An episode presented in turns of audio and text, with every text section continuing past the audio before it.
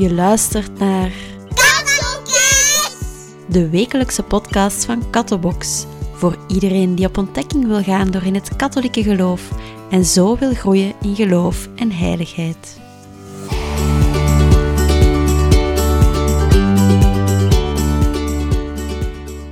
Hallo jongens en meisjes, hier Kim van Kattelkids weer. Vandaag gaan we het hebben over de Advent. En we beginnen deze aflevering vandaag met een nieuw gebed speciaal voor de Advent.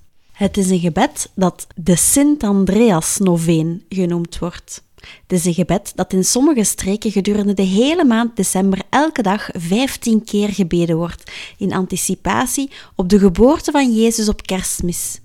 Wij gaan het hier natuurlijk maar één keer bidden. In de naam van de Vader en de Zoon en de Heilige Geest. Amen.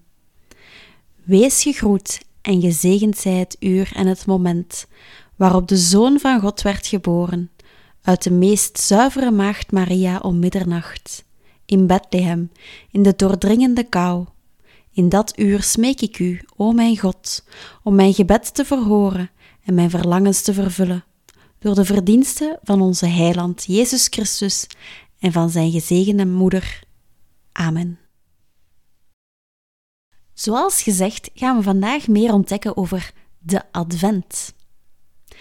En als ik de Advent zeg, dan denken jullie waarschijnlijk aan heel veel verschillende dingen, want iedereen zal wel al eens van Advent gehoord hebben. Maar toch wil ik heel even uitleggen van waar de Advent eigenlijk komt. Ken jij de seizoenen? Ja, natuurlijk. Dat zijn de lente, de zomer, de herfst en de winter.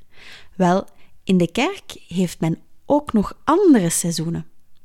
Ik had al eens gezegd hè, dat de kerk een andere kalender heeft dan de wereld. En de Advent, dat is een van de seizoenen van het kerkelijk jaar. En het is ook de start van het nieuwe liturgische jaar, van de nieuwe kalender van de kerk.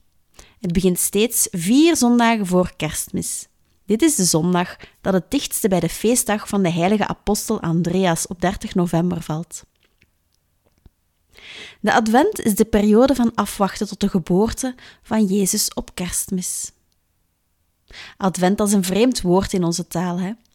Het woord advent komt van het Latijnse woord adventus, wat komst wil zeggen.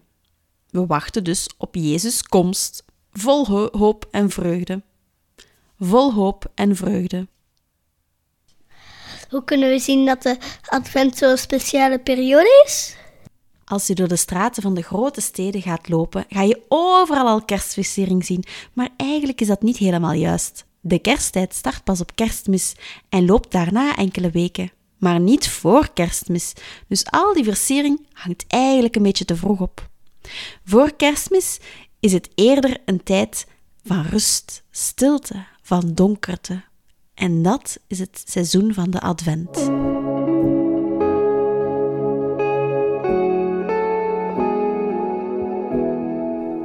Advent zal je misschien opmerken dat er geen Gloria gezongen wordt tijdens de misviering. Dit is het lied dat de engelen zongen op de geboorte van Jezus, om die aan te kondigen aan de herders. Dus om dit extra speciaal te laten zijn op kerstmis, wordt het in dit seizoen van de Advent niet gezongen. De Advent valt altijd in de maand december, wat hier in onze streken echt een donkere maand kan zijn. De dagen worden korter en korter en korter en nog korter. En vanaf kerstmis beginnen de dagen stilletjes terug langer te worden. Want Jezus is het licht van de wereld en met kerstmis wordt hij geboren, dus daarna worden de dagen zachtjes terug langer. In de Advent kijken we uit naar de komst van het licht van de wereld, naar Jezus' komst op kerstmis.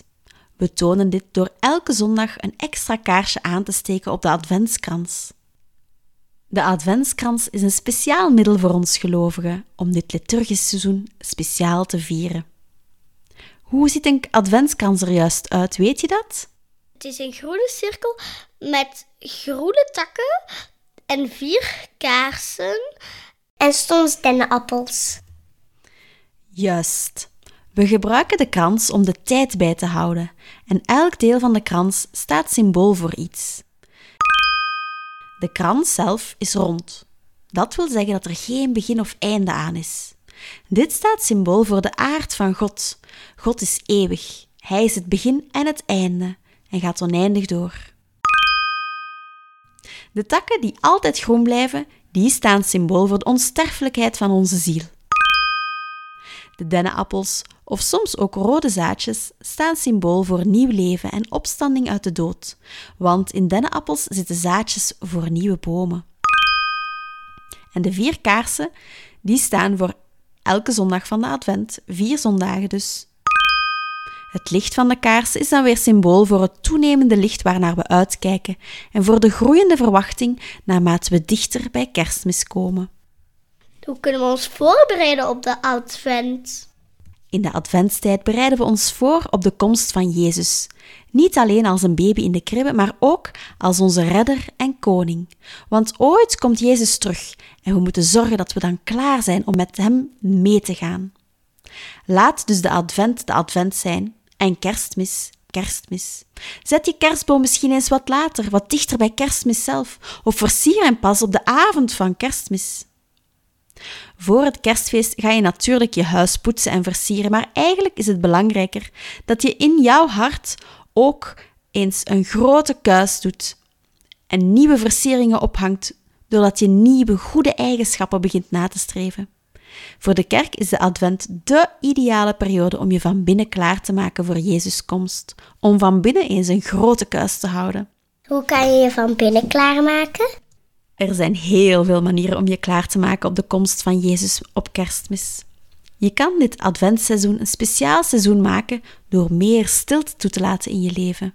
Minder televisie kijken, minder naar de radio luisteren, minder spelletjes spelen op de computer. Je kan elke dag extra tijd nemen om te bidden. Dat hoeft niet lang te zijn. Misschien gewoon vijf minuten voor je gaat slapen even je dag overlopen en nadenken wat je beter kan doen of waar je juist heel dankbaar voor bent.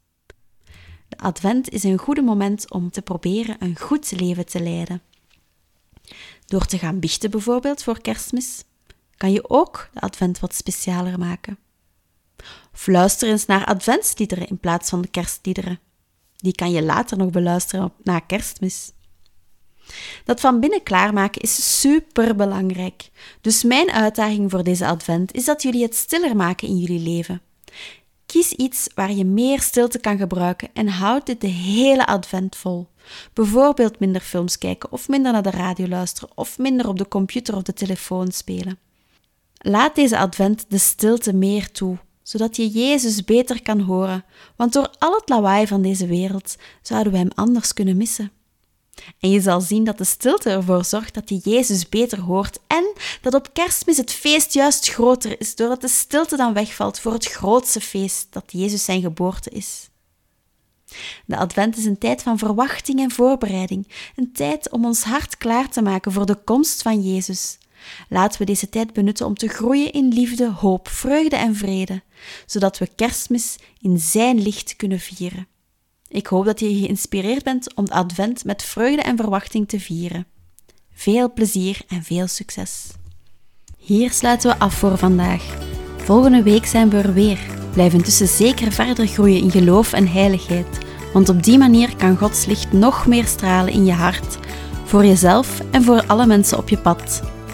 Neem zeker ook een kijkje op onze website. We proberen elke week een gratis kleurplaat bij de podcast te voorzien. Tot snel!